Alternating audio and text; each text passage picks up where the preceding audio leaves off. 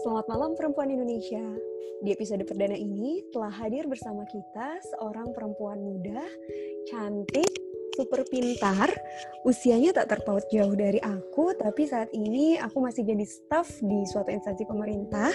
Tapi perempuan ini sudah mengomando ribuan orang karyawan. Bagaimana kisahnya?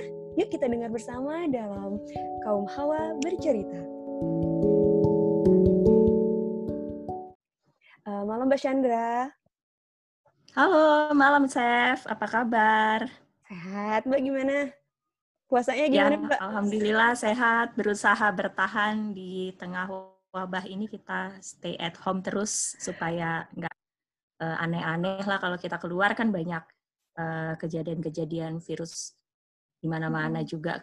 Jadi ya kita ikutin anjuran pemerintah ya kalau misalnya harus stay di rumah. Kan juga masih mm -hmm. banyak yang dilakukan ya kan? Nah contohnya mm -hmm. salah satunya di ini ngobrol-ngobrol. Iya masih bisa berkarya ya mbak ya kita di tengah WFH ini. Mungkin kita kenalan dulu kali ya mbak. Mbak Chandra lulusan mana tahun berapa saat ini kerja di mana jabatannya apa?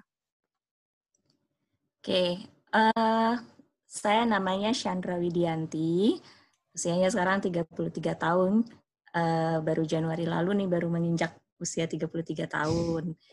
Hanya dari Stan sama kayak safety kita satu alma mater. Uh, tapi mungkin beda tahun nih saya tahun uh, lulus 2004. Kemudian melanjutkan ke uh, manajemen di uh, IPB. Uh, selanjutnya melanjutkan uh, tingkat master juga di IPB juga di uh, sekolah bisnis IPB. Saat ini bekerjanya di Sampurna Financial Group. Uh, mm-hmm. Jadi uh, ini uh, perusahaannya uh, induknya dari Sampurna, uh, tapi geraknya di bidang uh, keuangan Uang. seperti itu. Yang baru dapat tugas baru menjadi agent management dan bisnis program. Itu nah, total itu, totalnya. Total anak buahnya Mbak Chandra sekarang berapa sih Mbak? Tepatnya? Tadi kan aku baru bilang ribuan nih. Berapa ribu sih, Mbak? Sebenarnya sih ini juga saya baru jabatan baru ya di agent management. Jadi uh, kalau dibilang anak buah langsung juga enggak gitu karena mereka hmm. agent. Agent ini kan bukan uh, pegawai tetap gitu di Sampurna Financial Group gitu. Tapi karena kita banyak cabang, cabang-cabang uh, baik koperasi Sampurna, Bank Sampurna, mm-hmm. itu cabangnya banget tuh di seluruh Indonesia. Mm-hmm. Mereka uh, menginduknya uh, di cabang masing-masing. Nah, tapi saya kebagian untuk mensupervisi dari kantor pusat terhadap agen-agen itu. Sekarang mm-hmm. uh, sekarang sekitar 4.000 orang ada agen. Wow. Belum kita lakukan secara masif untuk per, uh, marketingnya gitu. Jadi uh, ditugaskan untuk berbenah kebijakan dan lain-lain dan strateginya seperti apa supaya ini mm-hmm. uh, bertambah gitu setiap tahunnya ada growth dari agent-agent kita yang uh, bekerja sama gitu. Keren banget sih Mbak, ya ampun. Aku aja masih jadi pelaksana Mbak. oh itu kan kita sudah melewati fase itu kan. Gitu. Berproses gitu. ya Mbak ya. Hmm. Iya, thanks God. Uh, kalau kerja ya, mm -mm. kalau kita target kita penuhin targetnya gitu terus ya berusaha baik ya mm-hmm. terus akhirnya jadi sama perusahaan gitu ya yeah. tapi ya kita coba aja gitu tantangan-tantangannya seperti apa Nah, tapi aku dengar Mbak tuh promosinya itu bahkan uh, baru satu tahun kerja, terus jadi apa pegawai terbaik gitu ya, terus langsung promosi jadi kepala cabang. Itu gimana sih Mbak ceritanya? Oh iya, ini sih sebenarnya perjalanan perjalanan karir saya sini ya maksudnya. ya saya pernah cerita juga safety gitu ya waktu awal gitu. Uh, saya kerja dari stan uh, lulus langsung bekerja. Uh, cuma tiga bulan di rumah gitu urus-urus ijazah segala macam dan bekerja kebetulan waktu itu jurusan saya bukan yang uh, penempatan langsung ke PNS gitu ya. Mm-hmm. Karena waktu itu stan ada coba untuk uh, uh, non dinas jadi kebetulan saya ditawarkan, oke okay, saya ambil itu. Setelah lulus, hmm. uh, saya hire sama bank, uh, salah satu bank terbesar di Indonesia, swasta, tapi itu uh, menjadi ya apa ya officer gitu ya mungkin analis kredit mm-hmm. gitu kalau di bahasa umumnya gitu mm-hmm. jadi ya sih saya karirnya di situ chef terus mm-hmm. itu umur dua kebetulan sekolahnya agak cepat waktu itu jadinya umur 21 udah harus kerja gitu terus tapi karena eh, sambil melanjutkan sekolah jadi saya pikir uh, karena di Bogor juga gitu ya cabangnya, mm-hmm. terus juga uh, kerja di bank kan uh, office hour gitu jam 5 gitu selesai kita bisa uh, melanjutkan langsung kuliah jam 7 sampai jam 11 malam. Wow. Jadi itu uh, awal mula saya kerja gitu ya kredit-kredit uh, kecil yang kita analisa gitu. Mereka butuhnya berapa, misalnya terus kita nilai-nilainya kayak pokoknya akuntansi sederhana lah gitu. Gimana mereka masukkan pengeluaran gitu. Jadi masalahnya uh, beda nih budayanya. Karena kalau mm -hmm. di bank itu tingkat komersial tingkat komersial ke atas korporat itu kan nasabahnya nggak banyak. Jadi analisanya mm -hmm. juga mungkin satu minggu dua minggu bisa gitu sih mm -hmm. kalau uh, saya ke segmen yang uh, eh, self employed yang um, micro gitu. Jadi analisanya mudah tapi nasabahnya banyak banget gitu. banyak. gitu. Ternyata mm. ya ternyata itu memakan waktu banget gitu. Walaupun nggak nggak nggak susah sih ya.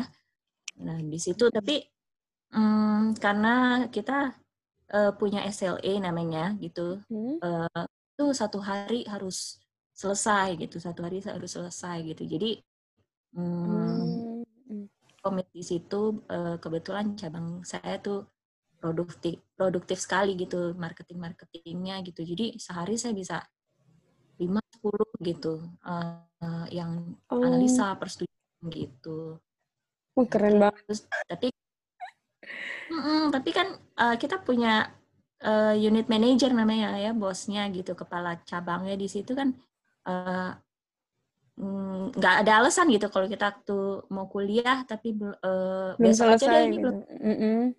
yang ada nanti saya di kampus digangguin gitu kan. Ini ini gimana nih segala macam nggak bisa konsen ya mbak belajarnya jadinya. Iya. jadi mau nggak mau saya prinsipnya kerjanya pokoknya selesai kerja setelah itu uh, biar sekolahnya uh, di kelasnya tenang gitu. Terus kalau uh, prosesnya sendiri mbak sampai dari situ sampai terus di posisi sekarang itu kan pasti melewati jalan yang berdarah-darah gitu ya Mbak ya. Nah itu gimana Mbak ceritanya?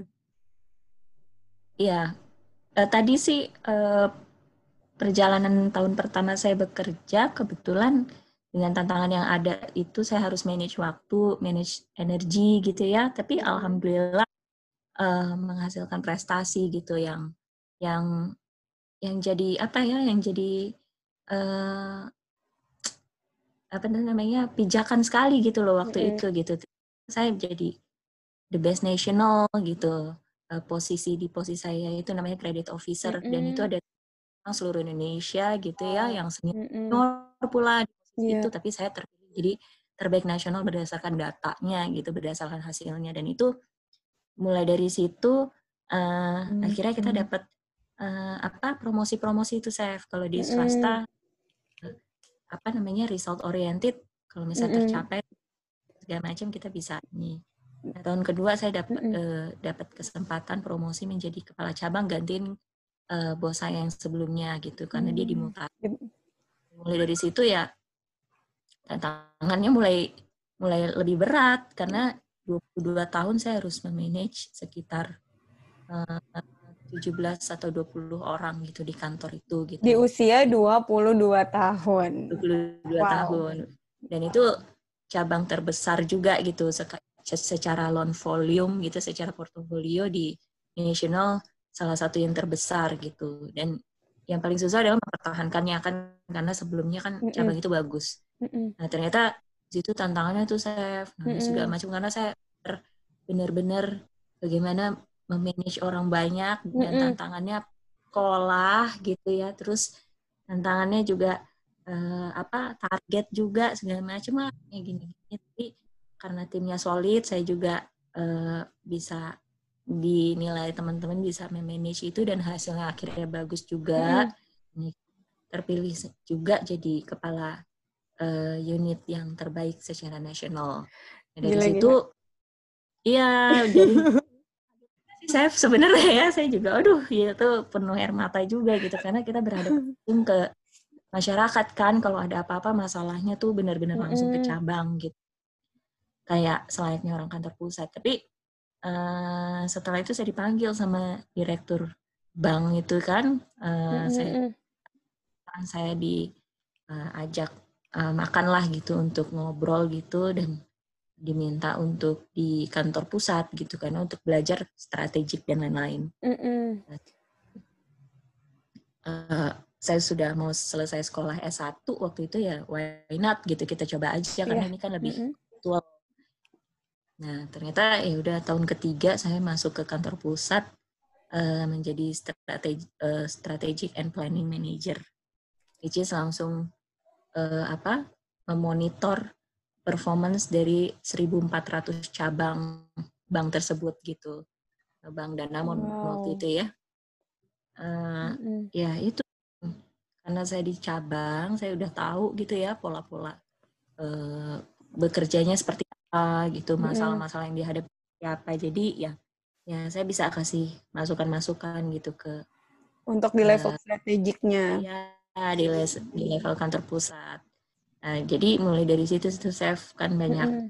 terlibat orang-orang banyak mm -hmm. banyak bagian-bagian lain yang lebih lebih pinter lagi dari kita gitu mm -hmm. nah tapi di situ juga saya meneruskan sekolah lagi S2 gitu. Jadi ya tantangannya sama aja sih, cuma bedanya yang dihadapinnya bukan masyarakat, dihadapinnya bukan mm -hmm. target, dihadapinnya um, masalah ya masalah kantor, daily activity dan lain-lain gitu. Nah, akhirnya ya itulah berjalan sampai dengan saat ini beberapa posisi yang saya di challenge sama manajemen seperti ini seperti ini seperti ini. Pegang ini pegang ini pegang ini. Jadi oke okay lah gitu.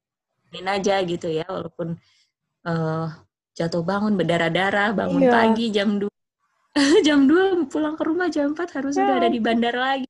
Ngerasain tuh. Seumur saya eh, mungkin lebih muda kali ya 25 tahun gitu karena saya 25 senior manager aku 28 waktu itu. Jadi hmm, ini oh, masih begini aja mbak. Iya.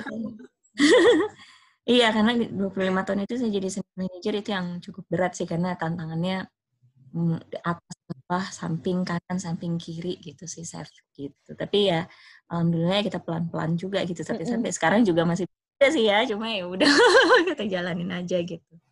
Ya, kalau Iya, kalau ini mbak, kalau uh, ini kan mbak Chandra ini perempuan gitu. Biasanya kan kalau pemimpin-pemimpin itu memang identiknya laki-laki ya. Itu pandangan mbak sendiri gimana sih terhadap uh, pemimpin perempuan. Sesulit apa sih jadi perempuan, uh, jadi pemimpin perempuan di masa kini itu sesulit apa sih? Ya, hmm, sebenarnya ya gampang-gampang susah sih ya, karena uh, walaupun bagaimana ya kita pendidikannya sama gitu ya, ya usianya pun sama, jabatan sama, pangkatnya sama, tetap aja namanya gender itu pasti mm. ada, itu ada perbedaan-perbedaan gitu. Uh, mungkin um, kalau laki-laki mungkin uh, dilihatnya wah kalau dikasih ini ke cewek bisa nggak nih ya bisa gitu ya? ya? Iya gitu betul. Ah, gitu pasti kan gitu ya. Uh, ya nanti baperan gitu kalau cewek gitu atau cengeng nangis gitu terus ngadu sana sini gitu. Ya tapi itu pasti ada sih chef sampai sekarang juga pasti ada gitu tapi mm itu kan manusia ya mm uh, ada yang udah bisa semodern yang kita harapin gitu ya ada juga yang masih melihat perempuan tuh perlu dilindungi gitu ya perlu lembut-lembut yang manis-manis. Saya pikir uh, tantangannya adalah kepada lebih kepada komunikasi gitu. Komunikasinya mm bukan kita ngomong secara verbal aja gitu ya. Komunikasi bisnis itu kan bukan hanya verbal aja tapi mm -hmm. gimana kita bisa uh, apa eh, pemikiran-pemikiran kita terhadap bisnis itu bisa kita bisa kita apa ya tuangkan ke dalam suatu ide yang kira jadi orang-orang menjadi aware gitu mm. terus bukan hanya aja tapi bagaimana mengimplementasikannya mengevaluasinya gitu sampai orang oh iya dia juga berpikir sama kayak gue ya gitu ya oh nih orang juga bisa Mm-mm. mampu ya gitu Walaupun perempuan dia juga bisa diandelin gitu ya Mbak ya. iya Gak gitu kalah cuma dari cowok. Iya uh, tapi sampai sekarang saya juga ada beberapa momen di mana kayaknya kalau di forum gitu atau apa kok uh, kayak aduh nih orang bunuh karakter gue nih apa gimana? Gitu. Pasti itu tuh ada aja. Ada ya aja. cuma ya tapi kita berharap sama orang orang itu harus ngerti kita orang itu harus apa hmm, "Eh, lu jangan gitu dong sama gue gitu. Lu tuh ngerti gue lo kita nggak bisa ngarep apa apa kan sama orang Gak kan. bisa kayak gitu ya. Iya jadi itu haknya mereka lah mau mau apa gitu. Kan mereka juga eksis di dunia, di dunia ini gitu. Terus mereka juga mau kerja mau menampilkan yang terbaik juga gitu. Tapi saya pikir ya kalau kita bersandar sama kemampuan eh, mandirian diri ya terus sama juga hati yang tulus gitu ya udah saya pikir nanti kita ada jalannya sendiri sih. Jadi nggak dipandang sebelah mata gitu sih Tadi kan Mbak bilang eh, kemandirian, terus juga kemampuan komunikasi, terus ada hati yang tulus gitu ya untuk eh, apa eh, menjadi pemimpin perempuan gitu. Nah kalau skill lain Mbak, skill spesifik untuk bisa melesat gitu karirnya kayak Mbak Chandra itu ada nggak sih Mbak? Biar bisa dicontoh nih sama para pendengar cewek-cewek di mana pun berada nih, skill khusus.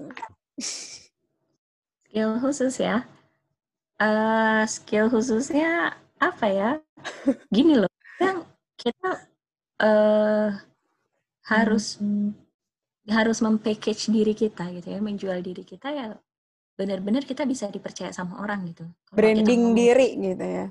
ya yang tapi branding dirinya bukan ini ini gue loh gue nih Um, bos pinter loh gitu oh, bukan bukan gitu tapi gitu. ya gimana saat lu tuh eh, apa ngomong gitu ya ngomong sekali itu bisa meruntuhkan meruntuhkan segala apa ya segala kekuasaan di tempat itu gitu. Gitu ya jadi maksudnya eh, oh pas kita ngomong gitu ya apa apa gitu orang langsung aware gitu bahwa kita tuh memahami sekali gitu dan bicaranya dengan sederhana pun eh, jelaskan secara sederhana kita bisa dianggap orang oh dia sebenarnya taunya dalam gitu nah itu eh, untuk bisa kayak begitu sih kan kita perlu ngasah diri terus ya banyak baca banyak penelitian banyak nulis gitu kan banyak Mm-mm. bergaul sama orang-orang gitu ya yang akhirnya karakter kita bisa dipercaya gitu. Jadi kita ngomong tuh be- berdasarkan ilmuwan, berdasarkan data, berdasarkan eh, apa naluri yang bukan eh, yang sudah teruji gitu loh maksudnya bukan yang nggak bisa dipertanggungjawabkan. Nah, Berarti itu sih safety. pendidikan juga pendidikan juga penting banget ya Mbak untuk eh, menunjang karir gitu. Terus membangun Ya. pemikiran-pemikiran gitu, pemikir pendidikan juga memegang peranan yang sangat penting ya berarti. Ya, sebenarnya menurut saya sih pendidikan tuh kan eh, kita sekolah itu S1, S2, S3 sebenarnya apa sih gitu kan. Mm-mm. Itu kan untuk eh, membangun kerangka berpikir kan Mm-mm. gitu ya, membangun berpikir kita. Menguasai banyak variabel gitu. Kalau kita melihat sesuatu tuh eh, apa eh, lebih lu lebih kritis, lebih luas gitu ya. Nah, sebenarnya itu sih gitu. Jadi eh, kadang kita eh, bukan hanya di buk- gini kalau misalnya kita sekolah gitu kan kita dipaksa untuk baca nih saya Mm-mm. dipaksa untuk Iya. eh, diskusi sama orang, Mm-mm. debat sama orang, ikutin eh, agenda-agenda yang kurikulum lah, kurikulum kampus gitu ya. Mm-mm. Sebenarnya itu sih untuk apa? Untuk mengasah kita dan kita menguasai medan gitu. Jadi menguasai medannya eh, pelurunya pakai ilmu-ilmu yang kita serap dari sekolah Dari itu gitu sekolah. sih. Mm-mm, karena sebenarnya sih semua orang bisa S2, S3, tapi Mm-mm. bagaimana kita menguasai ilmu itu gitu, bagaimana kita bisa eh, apa namanya menggunakan ilmu itu kepada aktivitas di ya kerja kita gitu. Nah itu kan yang sulit gitu.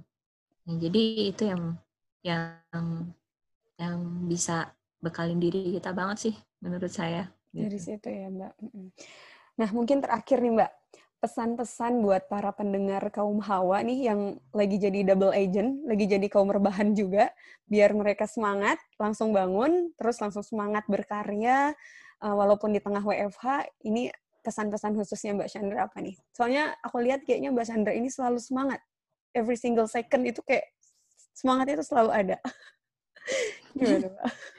Ya sebenarnya yang paling penting menurut saya kita harus punya plan hidup dulu gitu. Jadi hidup, mm-hmm. okay. tahu gitu ya satu tahun ke depan kita mau mau apa, mau jadi apa, target targetnya mau apa sih gitu loh. Mau kalau misalnya mau naik karir, mau sampai mana naik karirnya gitu. Terus eh, bisanya kapan? Tiga tahun lagi, lima tahun lagi, sepuluh tahun lagi, itu kan mm-hmm. kita nentuin gitu. Kalau saya sih selalu setting goals dulu ya. Jadi saya mau jadi ini. Bahkan kadang-kadang belum tahu kapannya gitu ya. Tapi saya kadang-kadang saya mau jadi apa gitu. Nah, tapi saya mau apa gitu tahun depan tiga tahun lagi tahun lagi. Mm -hmm. kalau kita sudah setting itu kita tahu apa yang kita mau gitu ya.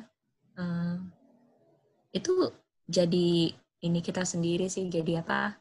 Itu menstimulus diri kita sendiri gitu nanti. Ada energi aja gitu yang yang apa yang yang uh, nyulut kita gitu. Mungkin sedikit kedengeran ambisius ya tapi menurut saya nggak ada masalah dengan ambisius selama kita tidak merugikan orang iya setuju.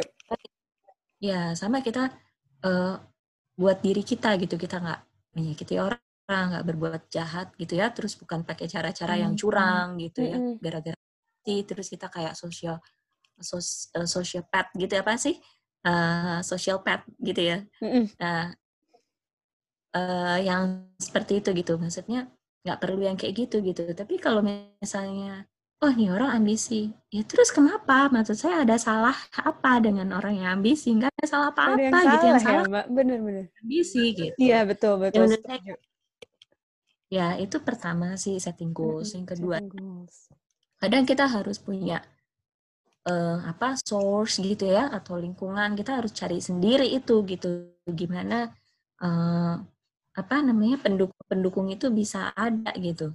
Uh, kalau misalnya kita uh, mau jadi ini gitu ya uh, mau jadi apa nih mau jadi mau kuliah di luar negeri gitu tahun depan gitu. Ya kita mungkin hmm. mulai bergaulnya sama orang-orang yang pernah ke sana jadi kita tahu gitu. Atau yang sama-sama punya keinginan ke sana jadi bisa sharing informasi gitu kan bisa punya energi yang sama. Benar benar kalau kita pengen punya pengen sekolah ke luar negeri gitu tapi yang satunya aja teman kita gitu teman sekamar kita gitu atau teman kosan kita atau teman main yang tiap hari whatsappan gitu dia juga nggak mau sekolah maunya kawin aja gitu terus habis itu jadi ibu rumah tangga nggak nyambung gitu jadinya. Gitu. Hati itu salah ya, itu benar juga, tapi kan itu pilihan orang. Jadi menurut saya kita harus cari source-source yang mendukung kita, lingkungan yang mendukung kita itu harus kita cari sendiri gitu sih. Itu yang bikin kita tetap gerak gitu.